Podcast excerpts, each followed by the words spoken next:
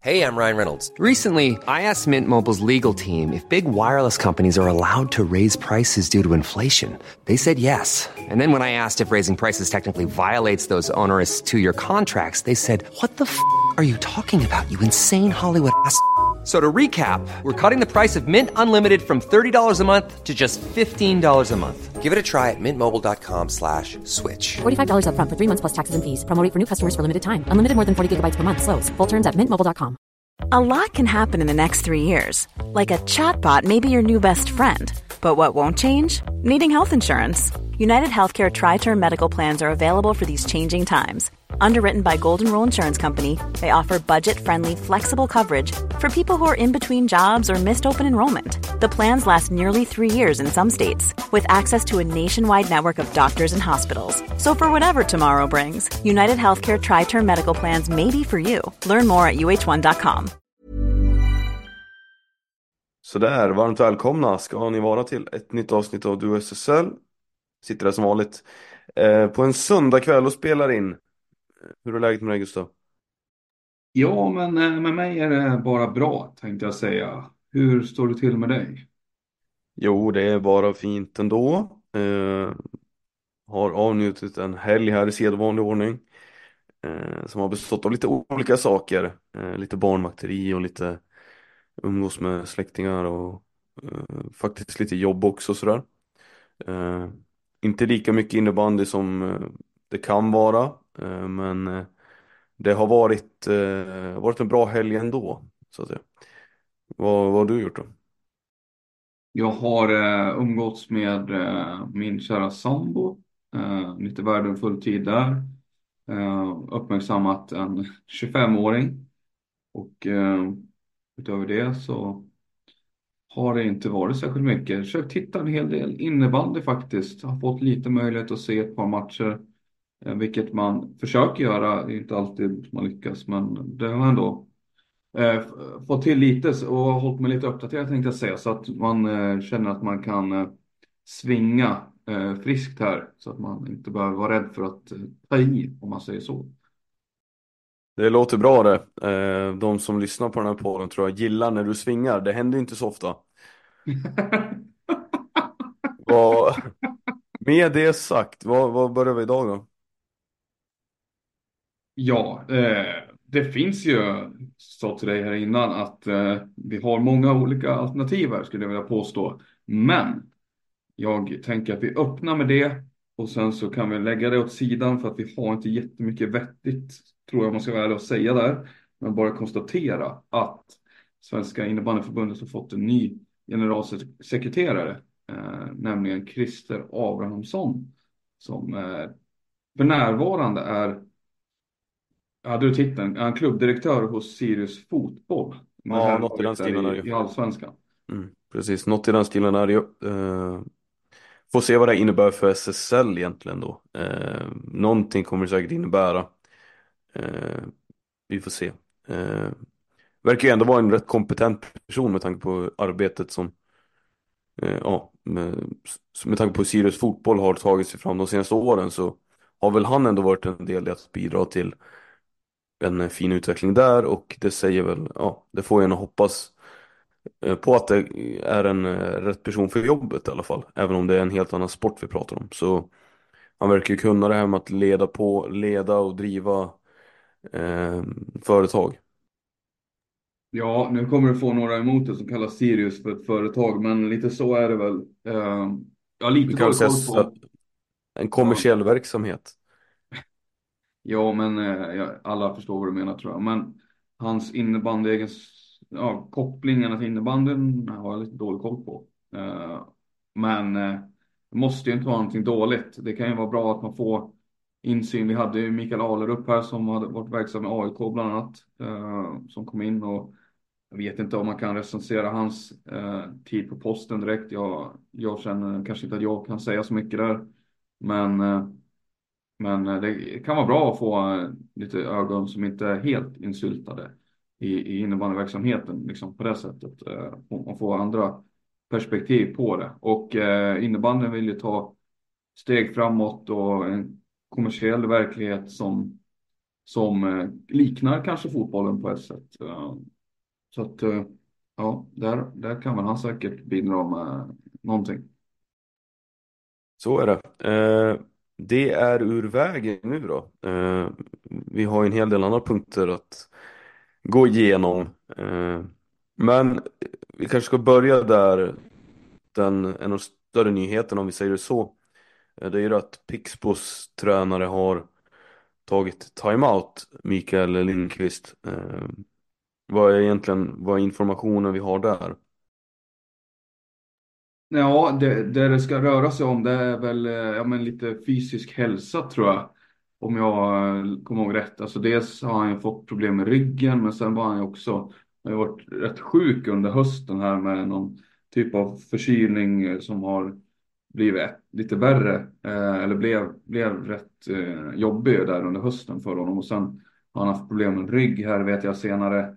Som har gjort att han har känt att eh, han måste ta ett steg tillbaka liksom. Han, eh, verkligheten för honom som så många andra är ju ett heltidsjobb vid sidan av eh, rollen i Pixbo och att det hela har blivit rätt mycket för honom. Så att eh, han har väl, det är väl obestämt nu. Jag vet inte om han är tillbaka i träning eller om han ska eh, stå i båset mer eh, frekvent här framöver. Det är osäker när liksom. Men eh, det är väl det jag har hört. Vet vi vem det är som eh, agerar så att säga huvudperson i båset då eller? De det- har den här eh, assisterande, är det David eh, Hansson, så är det rätt efternamn på honom. Eh, som har varit med hela säsongen egentligen. Och jag läste att Mo Andersson påstod i alla fall utåt här att eh, de har fullt förtroende där för honom vad det verkar. Att det, det inte ska finnas allt för, få allt för stor påverkan på laget i alla fall. Eh, Daniel, förlåt, inte David, Daniel Hansson. Sen har du ju David Börjesson också. De är ju två killar där som har vid sidan av koppen eh, funnits med. David och Daniel heter de. Ja, men eh, vad är din bild av koppens jobb om man bara ska passa in där lite snabbt och Pixbo hur, hur de har sett ut? Kan du ge honom något omdöme? Ja, ja, egentligen inte så mycket faktiskt. Eh. Jag tycker att Pixbo var bra. Eh, eh, jag tycker att de har eh, visat sig vara, de har varit svårspelade och de har ju sin, sin bredd men jag, jag kan inte riktigt tala till hur mycket koppen har påverkat dem så. Eh, Faktiskt, det är, det är lite tråkigt, tråkigt svar så men eh, enligt mig så har han inte påverkat dem eh, särskilt mycket så eh, nivåmässigt. Det är ju, bilden jag får är att man kanske i år, har, i år har man ju än svårare att vara en riktig utmanare till Thorengruppen även om man fortfarande är med där uppe liksom. Men om man kan dra det till några direkta taktiska förändringar från Koppens sida, det vet jag inte. Eh, det är möjligt att man kan det. Men jag, jag måste helt enkelt pudla vad det gäller mina egna, vad jag har sett hos Pixbo. Eh, Så mycket har jag faktiskt inte sett för att eh, jag ska kunna dra några slutsatser. Nej, då släpper vi det och går vidare. Hoppas att han mår bättre snart, Koppen, och att han är tillbaka i alla fall. Det, det är en rolig figur har jag förstått det som. Eh, vad man har läst sig till. Eh, så att, eh, Har väl ett bra rykte om sig efter sin sejour i Mölndals divettlag om inte annat. Ja, precis. Inom Göteborgs innebandyn har han gjort ett stort namn under många års tid. Eh, mycket tack vare arbetet i Mölndal där. Eh, vi kan eh, önska, nöja oss med att önska honom eh, en eh, snabb återhämtning här och eh, gå vidare till ja, en seriekonkurrent kanske vi ska göra. Det finns ju ett par lag där jag tänker på. Du har till exempelvis eh, Endre. Där har hänt en hel del. Mm. Tycker jag. Alltså om man tänker Mm. spelar, spelarmässigt för deras del. Man bröt en lite tråkig förlustsvit eh, den här helgen i alla fall med 5-4 segern mot Malmö va? Jag sitter och nickar. Jag inser att det är inte jättebra eh, poddmässigt. Men eh, det stämmer ju. Det stämmer ju. Eh, eh, Man hade fått in, man fick ju in Isabella Ström och Erika Nilsson också. Eh, som varit frånvarande. Eh, jag vet inte om det skadar i båda deras fall eller vad det är, men det är ju det, det borde ju vara rätt eh, kul att ha dem tillbaka i laget i alla fall.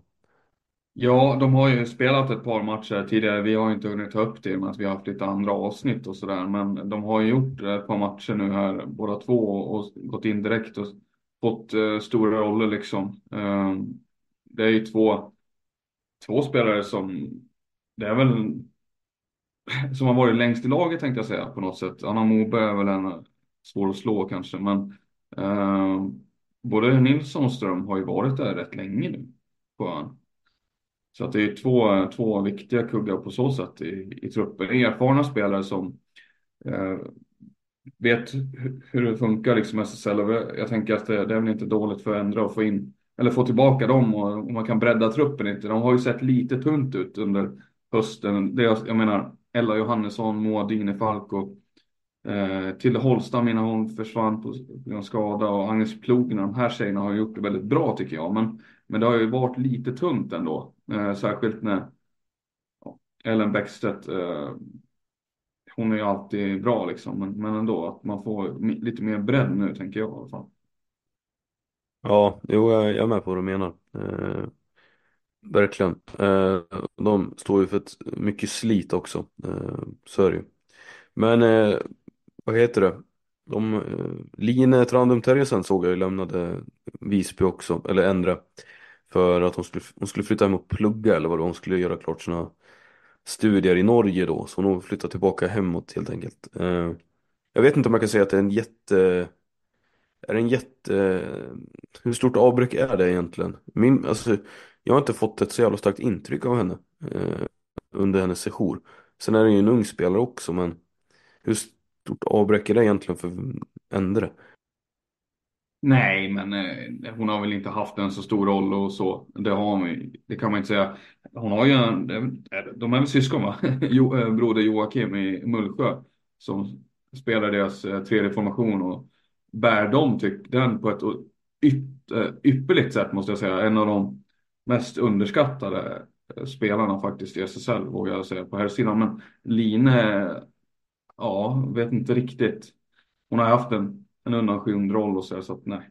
Så här, det är väl inget jättetapp här och nu för dem. Eh, men numerärt så är, är, det ju en spelare som försvinner. Eh, så att på så sätt är det väl ännu bättre då att Erika Nilsson och Isabella Ström eh, tillbaka här i spel. För hade det här skett och eh, Ström och Nilsson inte var tillbaka så hade det ju sett eh, lite tuffare ut. Så de är ju är känsliga för skador liksom. Så att eh, det är väl bara mer uppskattat att man har fått tillbaka de här nämnda tjejerna.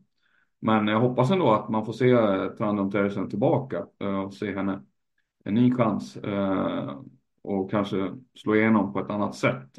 Vi behöver, det vore kul med fler norska spelare tänkte jag säga i SSL.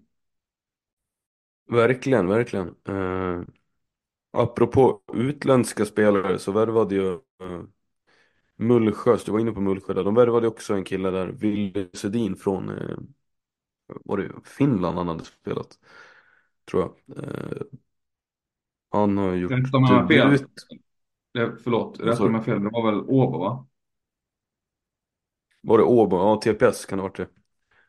Det var nog. Han gjorde väl sin debut nu i deras eh, cross här mot, eh, vad heter det? Eh, mot eh, Thorengruppen va, eller? Var det inte? Jag tror han har spelat omgången innan där också. Han var med i laguppställningen i alla fall. Ja, okej, okej. Okej. Ändå anmärkningsvärd seger av Mullsjö 9-2 mot eh, Torén. Eller vad fan blev det? Jag tror det blev 9-2. Riktig avstädning.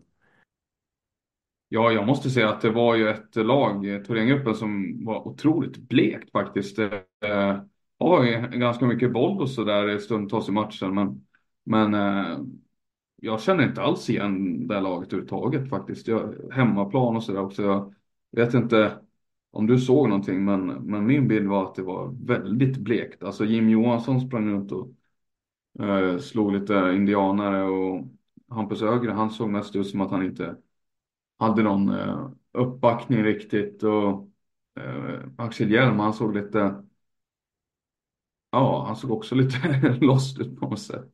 Det satt inte ihop riktigt eh, laget tyckte jag. De fick inte riktigt eh, ihop det på något sätt. Nej, nej, det är, det är intressant det där laget Thorén. Jag, jag har inte ägnat någon större tid att analysera det, men eh, reflektioner jag drar över laget. De har ju sådana otroligt skillade, spelskickliga spelare, men, men för mig så har det alltid saknats en, någon form av eh, jag vet inte, någon, någon typ av eh, det saknas någon typ av spelare för, för jag tycker att de är lite lika i sättet de vill spela, alltså i, i hur de vill spela. Eh, Speciellt backsidan är ju väldigt eh, eh, Väldigt enkelformig eh, på det sättet, alltså inte att den är dålig men den består av backar som nästan uteslutande gör samma sak. Eh, de är spelskickliga. Eh, suger gärna på kulan och eh, drar gärna en gubbe själv innan man passar liksom. Eh, och fyller gärna på i anfallen. Och jag vet inte, som sagt, jag har inte dragit någon större analys av det. Men det känns som att det är lite för felbalanserat laget, så att säga. Det är, det är nästan så att all spelskicklighet ligger i den bakre delen av planen eh, istället för det fram. Och den som finns där fram kommer inte riktigt ut i det här laget. Jag tänker på den du sa med Jim Johansson, det är egentligen en... Han har spetsegenskaper. Han är jävligt, eh, han vet exakt vart målet finns. Axel Hjelm är en annan kille som också vet vart målet finns. Och Hampus Ögren är ju ett riktigt spel. Eh, ja men han är ett, eh, han, är, han har spelförståelse så det räcker och blir över. Men jag vet inte, det är någonting som gör att de här killarna som jag nämnt inte riktigt får fram det. Och en sån som Mattias Gavatin tycker jag också har fina egenskaper för att inte tala om Tobias Bergfors då. Eh, men det blir väldigt mycket fokus på spelet från bakplan nästan tycker jag. Och, ja, jag vet inte. Det, jag tror att där kanske man ska tänka eh, annorlunda till kommande säsonger. Eh, för nu är det väl inte så mycket att göra åt det kanske. Men eh, min känsla är i alla fall att det är lite felbalanserat. Ja, det, jag har inte riktigt tänkt i de banorna tror jag. Där jag tänker att du har killar som Mattias Ljunggren som är en av de bästa tvåvägsbackarna i serien. Han är på humör liksom. Han är, en stor, är inte jättestor, men han är stark och stabil och rejäl i det defensiva spelet. Eh, samtidigt som han spelar lagom svårt tycker jag när han väl har bollen. Det vet inte jag om du är på samma sida där, men det är min bild av honom i alla fall. Sen har du Adam Lidgren som kan spela lite med bollen, men är ju också ett kraftpaket. Eh, och en, eh, ett defensivt monster när han är på rätt sida liksom. Eh, sen har väl han lite sämre dagar ibland, men jag tänker potential för honom är ju att vara en jätte där bak liksom. Eh, de spelskickliga backarna som du tänker på, jag bara gissar att det eh, är teorin som är där. Jag tycker han har tagit fina steg för övrigt i år. Uh, Albin Karlsten är väl en annan. Hugo Bertilsson, Filip Norman. Det är jättetalang, eh, spelare. Men jag tycker ändå de har Ljunggren exempelvis. De har Adam Nilgren. Det, det finns lite, det, det, är inte bara samma liksom. Nej, nej för all del, men sättet de eh, de använder ju sina backar, alltså det är inte de som har får mest speltid, det är inte de som används mest. Det är ju det är de andra som har så att säga det är de som är de stora nyckelfigurerna för att det är de som sätter det är de som sätter hur resten av formationen kommer att spela i princip. De följer ju inte med i någon typ av jag menar det är inte Hampus Ögren där framme som bestämmer hur resten av formationen kommer att se ut. Och jag tycker också att det, det, det saknas en riktigt tydlig stjärna. Eh, och jag vet inte, jag, jag, jag är nog också lite inne på ändå att det blir i den här typen av lag när spelare är faktiskt väldigt jämnbra som Thorengruppen har. De är ett otroligt jämnbra lag tycker jag. Där Det är svårt att hitta någon som sticker ut. Jag tror att det kan leda till en, att man står utan hierarki. Jag vet inte om det är så men jag tror inte att det, jag tror inte det behöver vara bra eh, för ett lag när man inte vet vem man ska gå till eller när inte vissa spelare vet om det är de själva som ska eh, kliva fram till exempel eller vara Eh, jag menar, vissa kanske gömmer sig eller tar ett steg tillbaka för att de inte vet, eh, för att de inte de har inte det i sig att eh, kliva fram liksom. Eh, inte så laget är byggt. Det, här är väldigt på väldigt lösa grunder men det är bara en observation jag har gjort. Och jag, jag kan ju köpa att du säger det här med Ljunggren och Lidgren men det är fortfarande två av typ, eh, de, de, de, har alltid, de har typ 7-8 backar i laget och du nämnde två spelare, resten är identiska. Och även Lidgren tycker jag, om än han har defensiva förtjänster så är han väldigt lik de andra också i att han är, han är trots allt spelskicklig och fyller gärna på i anfall han också. Det, det ska vi inte tala om, det är så de vill spela. Men eh, det leder ju till ganska mycket öppna, leder till ganska mycket spelvänja. Eh, och det såg vi inte minst mot Mullsjö senast när de eh, var sanslöst effektiva. Så att, eh, jag vet inte. Eh, jag håller nog, jag vill nog ändå, jag landar nu ändå i att de är lite felbalanserade men jag är öppen för diskussion där ändå. Ja, det här är ett lag som du verkligen eh, går igång på samma. Men målsfråga då, läser du inte in lite väl mycket efter den här 2-9 förlusten nu mot eh, Mullsjö? Alltså det kan ju vara så. Jag tycker ju också att de har gjort matcher där de ser defensivt väldigt starka ut och där det inte skapas särskilt mycket jättefarliga det skapas inte många jättefarliga målchanser. Jag tycker att de spelar jättebra mot när de har mött lag som Falun och så här. Men är, när det väl är lag som de egentligen ska ha en bra chans att slå och kunna så att eh, jag vet inte men det är också lätt som motståndare tänker jag att veta vad det är för typ av lag man ska möta. Alltså om du möter Thorengruppen så vet du alltså hur alla tre formationer kommer spela för de spelar nästan likadant. Innehåller spelare som är, det ser, framförallt nu Mullsjö så såg det ju väldigt enkelt ut stundtals.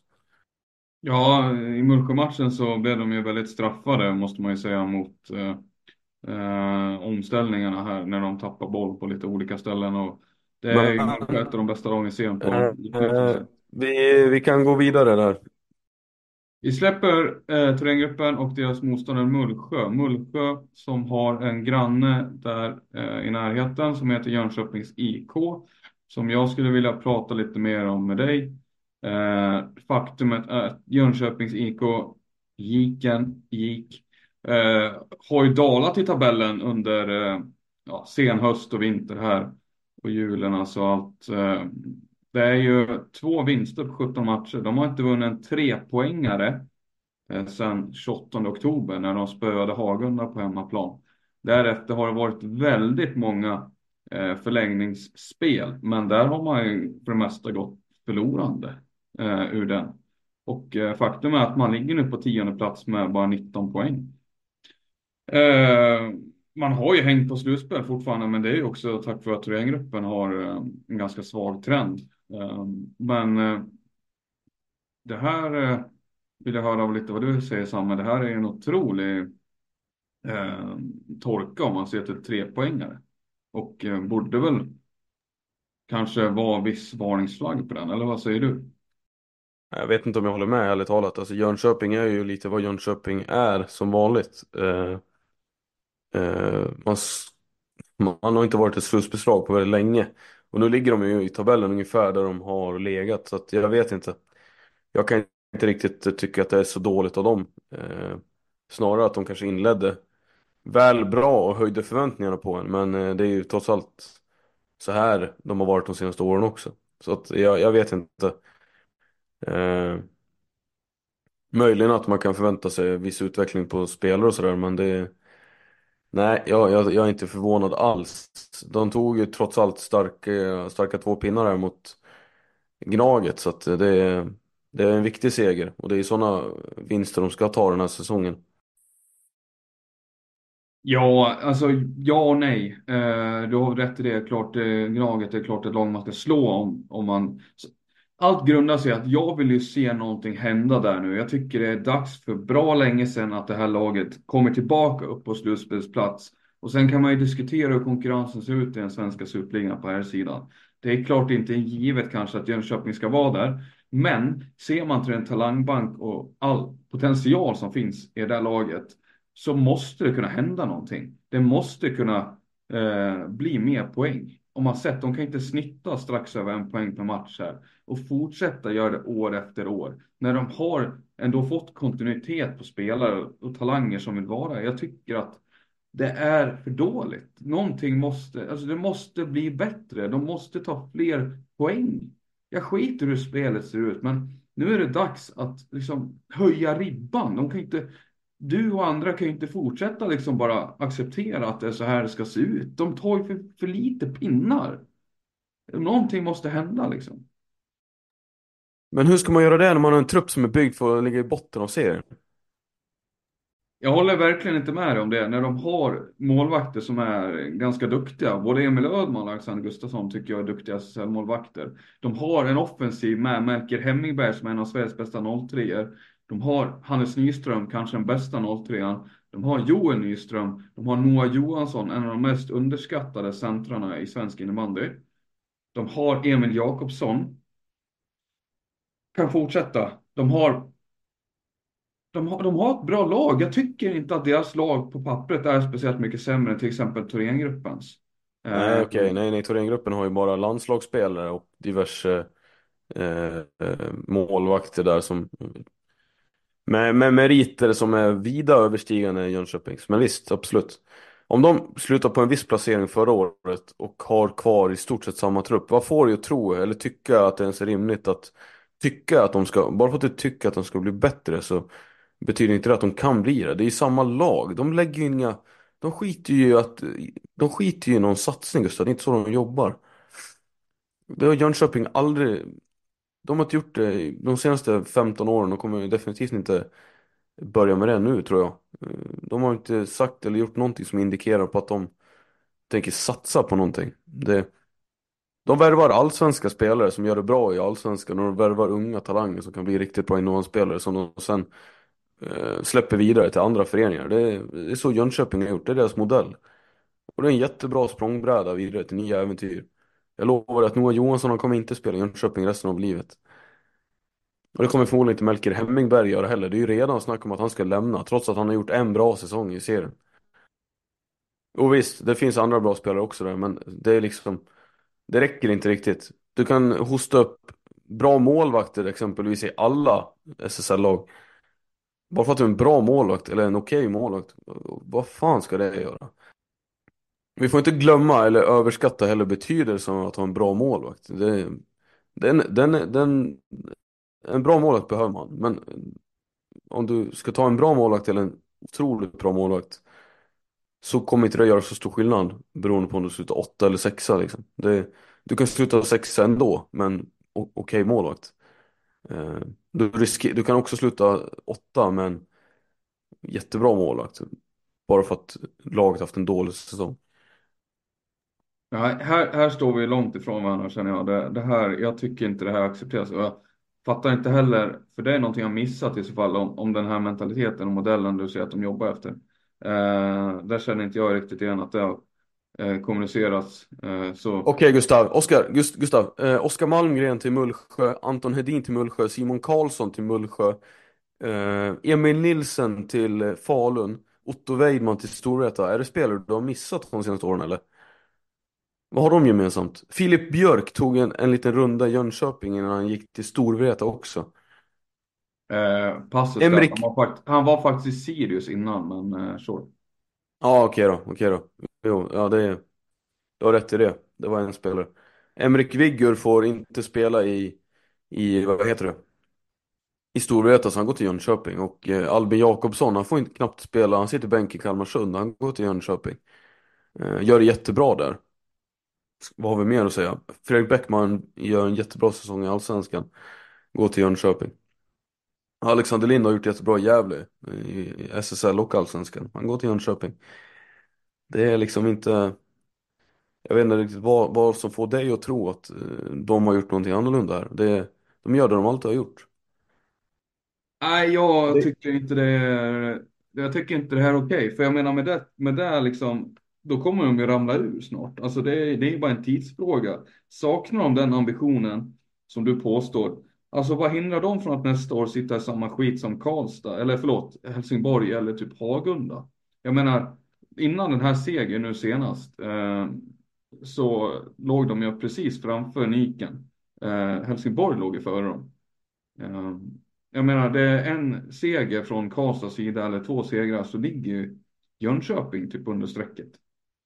Alltså det är inga marginaler direkt att tala om. Det, jag tycker det, det måste finnas en annan kravställning. Man kan inte vara nöjd om att ligga där. Hur kan spelarna vilja ta tid? Varför inte det? Spelarna tycker att det är jättekul. De, de kommer till en klubb där de får, ursäkta, de kommer till en klubb där de får spela och där de får möta världens bästa motstånd på regelbunden basis. Det är lagom mycket konkurrens. De släpper fram spelare. Det är klart man vill dit då. Det är en jättebra språngbräda. Som sagt, Otto Weidman, han är en helt annan spelare nu än vad han var när han lämnade. Eh, den grabben har gått en lustig karriärsväg, men den, man kan inte säga att han har varit en, annat än en succé. Samma med Emil Nilsen. I Falun har blivit kanske, han har visat att han är en, en av världens bästa backar när han är på humör. Och när han inte, ja, när han har sina toppar. As a person with a very deep voice, I'm hired all the time for advertising campaigns. But a deep voice doesn't sell B2B, and advertising on the wrong platform doesn't sell B2B either. That's why if you're a B2B marketer, you should use LinkedIn ads. LinkedIn has the targeting capabilities to help you reach the world's largest professional audience. That's right, over 70 million decision makers all in one place. All the big wigs, then medium wigs, also small wigs who are on the path to becoming big wigs. Okay, that's enough about wigs. LinkedIn ads allows you to focus on getting your B2B message to the right people. So, does that mean you should use ads on LinkedIn instead of hiring me, the man with the deepest voice in the world? Yes. Yes, it does. Get started today and see why LinkedIn is the place to be to be. We'll even give you a $100 credit on your next campaign. Go to linkedin.com slash results to claim your credit. That's linkedin.com slash results. Terms and conditions apply. Hey, I'm Ryan Reynolds. At Mint Mobile, we like to do the opposite of what Big Wireless does. They charge you a lot, we charge you a little. So naturally, when they announced they'd be raising their prices due to inflation, we decided to deflate our prices due to not hating you. That's right. We're cutting the price of Mint Unlimited from $30 a month to just $15 a month. Give it a try at mintmobile.com slash switch. $45 upfront for three months plus taxes and fees. Promo rate for new customers for limited time. Unlimited more than 40 gigabytes per month. Slows. Full terms at mintmobile.com. Oskar Malmgren har blivit en jätte i Mullsjös backlinje så att det De är jätteduktiga, de, de, har ett eh, track record som talar för sig själv och det kommer alltid attrahera, attrahera spelare, så är det. Eh, vem har lust att åka, välja gymnasie i Falun eller Uppsala när man vet att man bara kommer nöta bänk i, där liksom. Eh, då kan man lika gärna ta den vägen via Mullsjö och, och hamna där i slutändan ändå. Jag förstår inte, det är, på ett sätt är det ju smart och sådär men eh, jag, jag, jag kan inte säga att jag håller Jag kan inte säga att jag är emot det när det gäller, visst höja kravställning och sådär men det är inte så att man kan bli förvånad för det är inte så att de har gjort någonting annat än att köra på i samma hjulspår. Och de jobbar ju på ett eget sätt. Hagunda jobbar inte på det sättet. De plockar upp spelare till säsong till säsong. De ringer runt och kollar, är du ledig eller? Ja, får de 13 nej. Ja, men du, är du ledig eller? Vi såg att du gjorde bra med poäng i div 3 här. Är du ledig eller? Vill du spela i Uppsala? Vill du komma hit och köra lite? Nu får du, nu, nu vet Ja, jag att men du jag- är riktigt. Nu, nu när du börjar slänga dig med division 3 och grejer, då vet jag att du är riktigt lack alltså. Då, då vet jag Ja men snälla, det är ju så de har jag jobbat. Det är ju så Där, de ja. gör. Jag fick dig dit jag ville. Du blev irriterad och började snacka om division 3. Vi Ja, släpper den. roligare än så får inte du, verkar det Ja. som. Nej, men Vi, släpper vi går vidare. Vi går Ja. vidare där. Eh, Konstaterar att tack Jönköping det. plockat in Filip Åkerblom, den nygamla backpjäsen. Går direkt in och tar en tröja. Jag vet inte riktigt bakgrunden till den eh, värvningen faktiskt. Eh, eh, uppenbarligen så har de känt att de inte riktigt har allt de behöver på backsidan. Men jag, jag tycker det är en fin backsida de har. Men eh, Ja, Jönköping, visst pirrar det i brallorna? ja, för mina gör det. För dig eh, händer det väl inte så mycket då kanske. Nej, nej, det, det är ju... Men du jublar väl då å andra sidan att Filip Åkerlund är tillbaka? Det är väl din favoritback genom alla tider? Ja, det var ju det jag, det- det var ju det jag inte gjorde, men tack för att du hängde med på det. Eh, Nästa ämne eh, ska jag väl säga är någonting som jag också tycker är lite roligare att prata om och det är väl att Sam Samadani är borta från SSL-scenen för tillfället i alla fall. Och det är inte så roligt, och det är inte så roligt att han är borta så, men det är, prata om Samadani är bra mycket roligare än att prata om Jönköping. Och med all respekt ska vi säga, Filip Åk. Nu försvann det sista du skulle säga för att du mutar dig själv. Det är, det är så dumt så att det liknar ingenting. Nej, ja, jag tror att du såg mig faktiskt. Jag tror du hörde vad jag sa. Eh, Du vill inte respekt. stå för det. Du vill inte stå för det, dina oförskämdheter. Nej, jag sa med all respekt, så det är inte så oförskämt. Men med all respekt, jag, jag kan säga det igen. Uh, inget ont mot Filip Åkerblom, men det är betydligt mycket roligare att prata om Sam Madani än honom och uh, Jönköping. Så är det. Uh, han är borta och Binge vet inte riktigt när han kommer komma tillbaka, säger han. Vad, vad gör det med dig? Ja, inte så mycket förutom att det är ganska, det lilla han har berättat om sig själv i, i, i medier och sånt är ju att han, ja, inte vet jag. Han har ju aldrig liksom satsat, haft den liksom Iber-seriositeten när det gäller innebandyn. Eh, Så att eh, han kanske har tröttnat på SSL-livet och vill eh, dricka mer öl. Ingen aning faktiskt. Eh, men så här, det är väl tråkigt för AIK samtidigt. Det går ingen nöd på AIK uppenbarligen vad vi har sett deras resultat senaste tiden. Så att det, Förutom, eh, förutom 7-6-torsken eh, nu då mot Jönköping ja, det var väl en plump i detta liksom. Men annars har de sett rätt fina ut AIK. Eh, Oskar Hagberg har haft en eh, otrolig period sedan dess. Är det ironi jag hör i din röst över Oskar Hagberg? Nej, han hade ju någon sjuk match här. Det var inte nu mot Jönköping, men det var ju matchen innan det tror jag. Vet, jag minns inte vilka de mötte AIK, men hemma på i hallen så mötte, ja, han hade ju, han hade ju show. Det var i alla fall fyra pinnar. Ja, men det är intressant det, för det hänger väl mycket ihop med Binges intervju han gjorde ganska nyligen i Expressen när han pratar om, om att de har gått tillbaka lite till att Hagberg måste få en större roll än vad han har haft tidigare. Han, fick ju sitta på bänken i första matcherna i säsongsinledningen eh, när Madani och Helmer och de skulle få spela liksom och komma in i laget. Men nu har ju han fått kliva fram igen och få en större roll och han har sagt att det, det är Källbrist, det är Hagberg, det är Eriksson. De måste liksom få gå i frontlinjen och för det är de som är de är AIK mer än någon annan på något sätt och måste få, få stå där framme på barrikaderna liksom och bära den tröjan och, och göra det jobbet. Eh, så att det visar, ja, det har väl, det har väl kommit ihop lite bättre och, och så. Och Hagberg är ju en garant för, jag menar han, han kommer inte vinna poängligan eh, så, men han kan ju göra rätt så, ha en rätt så, vara rätt så produktiv och samtidigt stå för väldigt mycket karaktär på något sätt. Han, Mm. han, han har en miniminivå i sig som man inte ska eh, bajsa på tycker jag.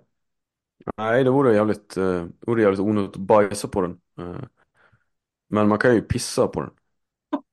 Nej, nej. Nej, inte- höj det. Alltså det här är så dålig nivå. Så. Eh, Men det är väl kul Nej. i alla fall att få se Oskar Hagberg tycker jag spela mycket. Marcus Eriksson har ju haft en tuff höst också produktionsmässigt. Ja, Eh, Det är väl den, kul om eh, de killarna kan få lyfta lite. Jo, verkligen, verkligen. Det, och spelat Eriksson som är kapten och har ju haft produktiva år i Allsvenskan framförallt bakom sig. Så är det ju, kan jag tänka mig, lite av någon... Ja, alltså det, han gör ju jobbet ändå som sagt och han är ju fortfarande lite av den spelare han är men, men att eh, han får till också produktionsmässigt är ju är nog viktigt såklart. Eh, så, så att ja. Apropå, Har du, ja. har du sett vem det är som, är det, det är inte Jirebäck som spelar med Hernegran och Jo, jag tror Åström att nu, han spelar med dem, eh, Åström och Hernegran. Okej, jaha, okej. Eh, fan, vilken, eh, vilken äcklig kedja. Ja, det är inte en kedja jag vill möta, det kan jag säga dig. Ja. Det är eh, mycket handledsträning på dem. Ja, det får man ju säga. Eh, Liam Åström. När ska vi börja prata om honom som, som eh, topp fem målskytt i SSL? Jo, men det, det får man ju säga att han är med sitt skott. Det, det har han redan varit. Och han börjar ju växa ut till den här spelaren också tror jag som AIK hoppades på, eller såg framför sig när de ville, när de knyckte han från Vreta. Eh, den här riktiga eh, stjärnan liksom, eh, storstjärnan. Han har ju den, eh, han har eh, redan med Madani och Hernegran i inledningen såg man, de skapade så otroligt mycket och han fick utlopp för, sin, för sin, ja, för, för den spelaren här. är. Men eh, nu på slutet har han gjort ett par riktigt, eh, riktigt sjuka mål också så att eh, han har ju någonting skrivet över sig va. Det, det är en viss eh, auktoritet han ändå har, eh, Åström. Apropå skott förresten, när vi är inne och talar, på det, eh, talar om det. Eh, det ämnet, på det ämnet så är ju Linköpings eh, Lukas Eldholm har ju varit riktigt stark här på slutet. Han har ju fått, fått bra med förtroende i laget den här säsongen och har ju börjat ösa in mål från, alltså båga in från kanten. Och han sätter ju dit någon varje match. Det är ju jättekul att se tycker jag. Eh, från en gnuggare som Lukas. Eh, det finns någonting där hos honom också. Eh, jag vet inte om du har hängt med på det. Men... Jo, men han, är ju, han, har, han har haft en väldigt bra säsong, verkligen. Det var någonting som har lossnat lite och han har haft en undanskymd roll. Men nu har det, han har verkligen fått utdelning och jag håller absolut med dig om att det, det är roligt att se på så sätt. Han har kämpat i bakvattnet länge. Tog elitinnebandyn via Lindås, eh, eller inte, förlåt, inte Lindås, eh, Lillån i Allsvenskan och sen Höllviken var han uppe i och lyckades ta sin SSL den vägen och sen, ja. Det är roligt att se att det finns den, eh, han har aldrig varit en supertalang liksom, men det är kul ändå att se att han kan få um, få det här uh, lyftet han ändå har fått den här säsongen. Det är hårt jobb som ligger bakom. Apropå uh Ja, apropå ingenting egentligen, men Oskar Kristensen blev ju klar för Nykvarn på dubbellicens. Han som har varit så otroligt bra i Allsvenskan. Eh, spelade med Rigo Giannis bröderna den här senaste matchen nu. Eh, såg väl okej okay ut tycker jag. Men det känns ju som en riktig Ja, det känns som en dark horse där, en riktig joker för Nykvarn att, att kunna använda sig av eh, ändå. Lite Ja, jag vet inte riktigt vad. Eh, det kan säkert bli jättebra med Rigo och Giannis där. Och med tanke på hur bra de är på att skjuta och sådär också. Men eh, ja, det känns lite, lite oväntat ändå. Jag trodde inte Nykvarn eh, var favoriter till att få in honom nu i, här liksom i slutspurten. Eh, tänkte jag ändå att Ja visst, Gnaget är också packat men det ligger ändå i Stockholm. Så att de hade bra chanser. Han har ju sagt och eh, intervjuer flera gånger, Kristensen, att han kommer aldrig någonsin ta på sig en AIK-tröja och det fanns ju en anledning till att eh, det bara blev Helmer och Madani från första början och att de inte lyckades få den tredje länken. Han vill Men hade inte det lite att göra också med att han satt på avtal eller? Hade det ingenting med det att göra?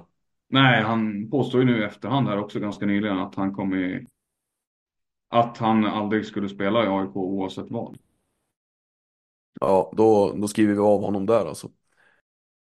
Det är väl bra för Nyken att få in en bra högerforward nu när Valdemar Alroth kommer saknas. Eh, Kristensen, det är dags att han tar steget. Är man så dominant på allsvensk nivå så, så bör man eh, någon gång testa på det, tycker jag. Han har ju ändå åtta år till på sig att göra som Hernegran och Madani så att jag tycker inte det ska finnas någon stress. Nej, nej, i och för sig. Uh, men de hade inte levererat på det sätt som han har gjort. Uh, har de spelat tillsammans hela tiden? Det var det jag funderar över. Har de verkligen spelat ihop hela, alla de år han har hunnit varit i Allsvenskan? Det kanske de har gjort. Ja, mer eller mindre. Jag tror att Hernegran Eh, jag är osäker på Hernegran, men jag är rätt säker Madani och han spelade i alla fall. Och sen tror jag Hernegran har kommit in lite. Eh, lite osäker, men jag tror det är så. Eh. Det var ju någon säsong Ja det var någon säsong han hade något samarbete med Han har, han har spelat, ja Han har haft andra eh, snipers runt omkring sig i, i det BL-laget också vet jag Men eh, Nej men eh, ja, svaret på din fråga är väl ändå ja så att ja eh, jag noterade att Storvreta slog Falun med klara 7-2. Eh, det känns ju, det kändes redan så innan, jag har varit inne på det. Men den här säsongen eh, verkar ju Vreta vara alltså, lite för bra för att Falun ska rå på dem. Eller Falun och något annat lag. Det, den här gigantis, giganternas kamp har, ja, den, är- den, den känns inte så stark eh, just nu i alla fall. Eh, Storvreta med allt vad de håller på med, de känns för tunga och för skickliga defensivt framförallt. För att, jag menar Falun har inte lyckats lösa upp deras försvar och eh, knappt något annat lag heller. Eh, Falun tycker jag har haft otroliga problem med produ, produ, alltså produktiviteten. Nu gjorde de väl i och för sig 13 mål eller vad fan det var senast. Så att, men, men det känns eh, svårt för dem den här säsongen i Falun. Eh, och Gante som vi hade en intervju med var inne på det också att ja, eh, i alla fall för egen del så känns det inte riktigt som det har gjort förut. Eh, jag vet inte vad du drar för växlar av, av den. Men någonting kan man väl ändå säga om det. Nej, men eh, det är väl så. Det håller, håller vi väl med om. Och eh, tittar man över eh, hela laget så har Omar Adib haft en rekord. Eh, svag höst. Och varit bra de senaste tre, fyra matcherna. Verkligen kommit igång. Och den här tredje kedjan ser jättefin ut nu tycker jag med Holmgren och Cederström. Men, men eh, han har ju varit väldigt svag och det finns fler spelare som inte riktigt levt upp till Enström får man ju säga. Har väl inte heller sprakat på det sättet. Emil Johansson har ju, tycker jag, stått för stundom i vissa matcher för eh, bolltapp kanske misstag där som jag sällan ser. Eh, och han gör ju väldigt mycket annat som är såklart eh, otroligt bra för Falun. Men det är just att han har, det som har varit imponerande med Emil Johansson under hela hans karriär är just att han aldrig gör några misstag i princip. Han är ju så otroligt jämn och konsekvent i, i den kvaliteten han, han håller. Men eh, jag tycker jag har sett ett par tydliga tabbar den här eh, säsongen som jag inte har sett på samma sätt tidigare. Sen kan ju det ha, ha andra orsaker så här, men, men jag tycker mig inte riktigt se samma Emil Johansson heller som jag sett tidigare. Det är Emil Lundmark, vart har han tagit vägen senaste? Har du någon koll där? Nej, det har jag inte faktiskt. Eh, Johan Samuelsson Men- är ju väldigt sjuk och svag just nu. Kommer inte kunna bidra. De har ju fått lyfta in Jonas Adriansson. Eh, Det jag tycker, eh, det jag, det jag skulle vilja rikta en annan kritik mot Falun, det är sättet de behandlar sina yngre spelare på. Om man ser till att eh, nu vet jag bara vad de presterar på planen, hur de ser ut, hur, hur de, alltså deras kapacitet som innebandyspelare. Det kan finnas faktorer bakom det, men de matchar ju Ahmad Aldib och August Bergqvist väldigt sparsamt tycker jag exempelvis. Ehm, jag tycker att de borde spela mer om man bara ser innebandymässiga skäl. Och det är både kort sikt som de kan tillföra någonting, men det är också lång sikt. Så är det väl de killarna man ska bygga ett nytt Falun på. När Galante väl slutar om något år, Emil Johansson kommer vi till. Men eh, Rasmus Enström försvinner ju redan nästa år. Eh, Johan Samuelsson kan ju inte hålla på så mycket längre. De måste ju slussa in de här killarna nu. August Bergqvist är en fantastisk talang. Och han hade varit topp två spelare i vilket lag som helst. Alltså jag tänker, han har genom två femmor i många andra SSL-lag om man bara ser till den råtalangen han har. Pratar du som center eller? Ja, i första hand så är det ju det han eh, tror jag har spelat eh, när han var junior och så. Men i Falun har han också testat på lite back och han gör ju inte bort sig där heller. Men han har en otrolig kraft framåt som han kan använda som center. Ahmad Aldi vet man ju vad det är för typ av poängspelare. Eh, nu har Lukas Rosenklint fått jättemycket förtroende de senaste matcherna här och gjort det jättebra tycker jag verkligen. Och det är en spelare man ska fortsätta satsa på. Men jag tycker man behöver få in ny energi i Falun, få lite, röra om lite, testa de här, få liksom Malte och Rud och ett par andra liksom inse att nej men det här är inte, det här är inte givet liksom. Det finns, bara titta, de har ett lag i allsvenskan i Falun Utveckling. De har några av de bästa talangerna i Sverige, alltså i, i De talangpoolen. dammsuger ju, de dammsuger Dalarna på talanger också. Nej. Dalarna.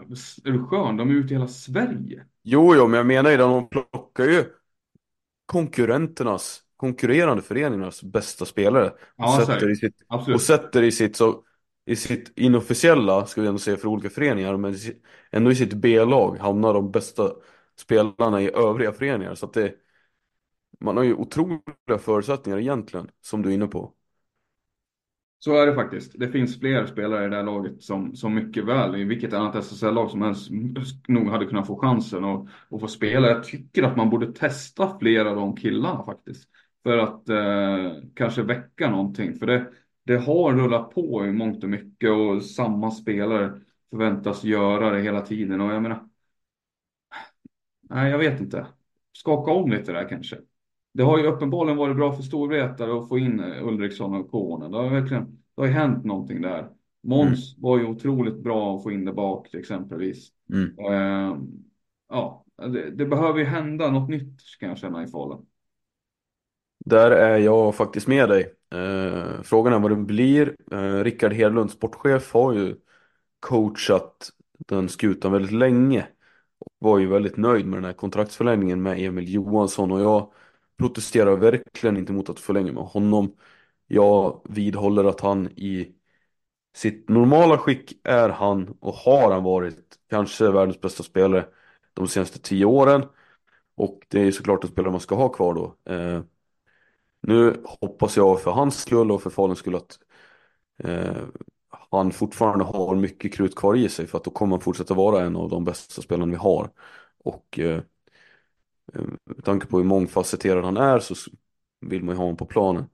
Men eh, någonting behöver hända som du är inne på där. Eh, får ändå, måste jag ändå säga att någonstans Simon Cederström med den effekten han verkar haft och den spelglädjen han har visat upp tycker han har varit en positiv in- injektion i dels i SSL men framförallt i Falu tror jag. Eh, så att någonting gör ju Hedlund som är bra också. Eh, och jag tror att han kan vara en del av lösningen snarare än problemet i det här fallet. Ja, visst, eh, det måste man ju, det är han som är mycket hjärnan bakom det här framgångsdynastin vi har sett. Så att, jag vill inte nämna han i, det här liksom, men jag tycker man kan skruva på vissa saker där, att man kan testa. Man måste vara ännu bättre på att släppa fram eh, de här yngre killarna. Jag menar, de, de har ändå gjort ett stort nummer av att de ska ha ett inne, de har ju två innebandygymnasium där uppe eh, och, och verkligen slussa in, som du säger, de har faktiskt eh, tagit in de bästa spelarna i Dalarna, men de har också lockat till sig eh, spelare utifrån. Jag menar, Melke Hemmingberg gick ju tre år där uppe. Kim Barja var ju där eh, fyra år innan han fick nog och kände att nej, jag lyckas inte ta en ordinarie tröja i Falun, så nu sticker jag till Linköping och där vet vi vad han har lyckats göra. Ehm, de kan bli ännu bättre på att slussa in de här grabbarna. Så att det är väl det. Eh, vi lämnar kanske Falun. Jag tänker vi har pratat väldigt mycket om herrarnas serie har det blivit nu under en stund. Men det finns ju lite mer punkter att ta i om man tittar på damernas serie. Om du inte har något ytterligare på herrarna. Nej, han ska åka på huvudet där borta. Eh, och med det sagt, eh, Faluns herrar var vi inne på, kan jag prata Faluns damer. Eh, där är väl en sak vi inte har nämnt tror jag, att eh, Tone Engstulen, backgiganten, är ju skadad. Eh, jag vet inte exakt hur allvarligt det här är. Har du någon info där? Nej, det, det måste jag medge. Det har jag icke. Men det finns fler skadesituationer vi kan diskutera. Tänker du i Falun eller tänker du fler lag? Andra lag? Vi hade ju en situation här eh, i Thorengruppens match till exempel. Eh, om man DJ, ursäkta min hostighet, eh, där DJ spelade. Eh, så vet jag inte om vad som hände där, om hon klev av eller inte. Jo, hon klev av. Hon var ju borta efter det. Spelade väl ingenting, tror jag. Någon får rätta mig om jag har fel, men jag tror inte de spelar något mer efter det. Har inte följt det jättenoga ska jag säga så att eh, det är möjligt att vi har andra ämnen istället. Eh, skulle vilja nämna att Kai Smora slog Lund eh, med en sanslös effektivitet idag. Tog jätteviktiga poäng. Lämnade bottenplacering där. Eller nej, de var ju inte ens, de låg ju. De ligger kvar där de låg så att säga. Men eh, i och med att Åkersberga slog Lockerud i ett, också ett bottenmöte så var det viktiga poäng för Kais. Eh, du och jag som är gamla Kais-supportrar Gustav. Ja, är det officiellt nu? Har vi nämnt det tidigare? Annars får jag väl brösta den här. Men vi behöver inte prata mer om det. Eh, jag tänker, för eh, jag vill återknyta till Falun där ändå och höra, du kan ändå kommentera det på något sätt tänker jag, för att eh, de har ju fler spelare på den skadelistan och nu är det ju faktum att de spelar, jag vet inte hur mycket speltid de får, men eh, på laguppställningen så har de ju fem backar där Vilma Svedlund är den femte. De har Linnea Wilhelmsson, Elin Nordström, eh, Swissler och eh, hjälp mig, vem är den fjärde? Men sa du inte eh, fjärde?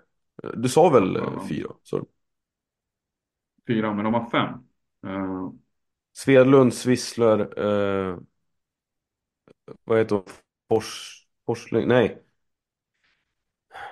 Nej, det heter hon inte. Skitsamma. Eh, vi kollar upp. Ida Pettersson, nyförvärvet från eh, Linköping, är ju, som har för övrigt tycker jag varit väldigt bra den här säsongen. Eh, det är hon. Eh, det är de fem backarna de har nu. Eh, Eva Skaslien, norskan, är ju fortfarande borta. Det är fler tjejer i Falun. Emelie Björklund saknas också. Eh, de har ju lyft upp Moa Andersson exempelvis. Du låter ju inte jätteoroad över skadeläget ändå, även om det finns några namn där i Falun som, som är borta.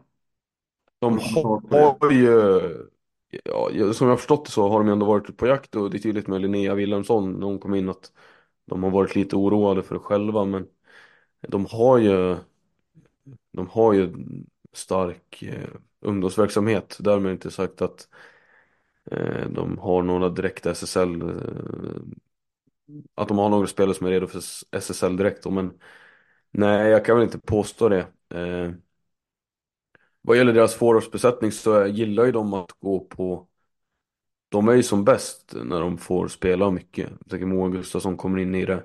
Eh, är riktigt bra när hon eh, kommer in i matchtempot. Eh, jag tycker Lisa Svarva likaså. Eh, Helen Svensson har ju varit bra. Eh, så att jag tänker att jag tror inte det är negativt för deras del att lägga mycket fokus på om man så säga vill på två formationer framförallt. Men det är klart att i det långa loppet så är det väl inte det bästa. Eh, nu tror jag man torskade väl den här senaste matchen va? Eh, mot eh, ja, Pixbo här. Men eh, det är inget lag man är garanterade seger mot ändå. Så att eh, jag tycker inte det är någon fara och färde än så länge i alla fall. För Faluns del. Nej, något djupare så vill jag inte heller säga. Eh, och, eh, ja, de kommer ju få sig tillbaka förhoppningsvis. Gaslien ska tillbaka. Nu har ju det här skjutits fram här. Eh, från början Mm. var det väl tänkt under vintern en gång och så var det januari hörde jag och sen var det februari. Nu är det februari senaste gången. De möter Jag också Kais. Kais Mora närmast och sen har de Kalmarsund där ska de kunna ta en trea. Lund kan bli tuff, eh, men ändå ska kunna vara en trea också. Ändå De, de har ändå klarat av... eh, spelschema senaste månaden här. De möter Malmö Ja. också om en månad. Eh, det, det är hyfsat beskedligt schema. Kan de ta nio av 12 poäng där så är ju det. Jag, jag tror inte alls att det är någon. Moa Gustafsson är ju bra form just nu också så att det räcker ganska Ja. för deras del. Alltså de har ändå städat av, de har ändå vänt serien nu med att städa av Torén och Pixbo direkt så att det är, De flesta matcherna kommer vara där Falun har en viss favoritstämpel i sig, eller på sig. Så att det Det kommer väl bara bli lättare för dem jag säga jämfört med, jämfört med de tidigare matcherna där. Nej, nej det, Eh, De ligger vi, vi får väl hålla lite koll på situationen så att säga men eh, jag, jag känner mig inte så orolig. Nej, de ligger femma nu också och eh, jag ser väl mycket möjligt att de befäster den femte platsen. Sju poäng upp till Täby och Rönnby. Kan bli tufft. Däremot så tror jag inte de behöver oroa sig nerifrån. Eh, det här lagen är lite för ojämna, kanske lite för svaga. Jag tror att de reder ut den här femteplatsen. Uh, eh, med det sagt har vi en positiv besked, eh, nyhet. Uh, nu är det, har hunnit gå ett par matcher tror jag. Uh, om jag är helt, uh, om jag inte har missuppfattat det. Men Center.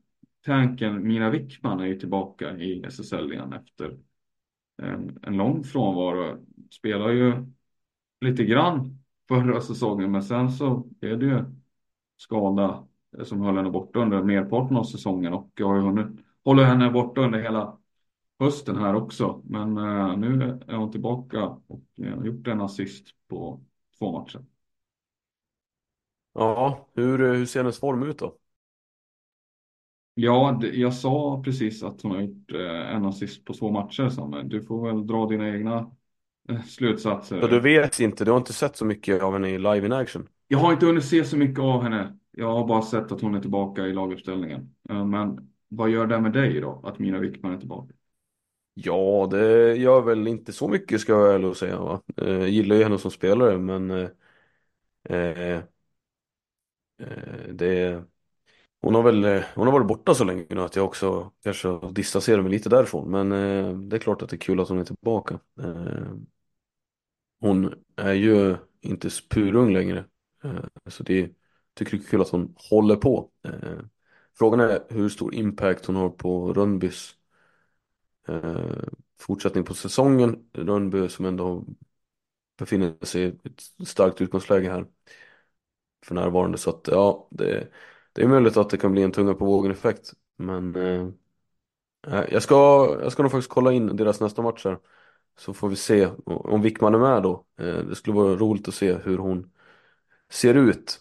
I alla fall ska jag faktiskt eh, bilda mig en egen uppfattning om det och inte bara försöka eh, dra någonting ur röven. Eller vad säger du Gustav? Dra något ur röven är väl aldrig någonting annars som vi drar oss för i den här podden.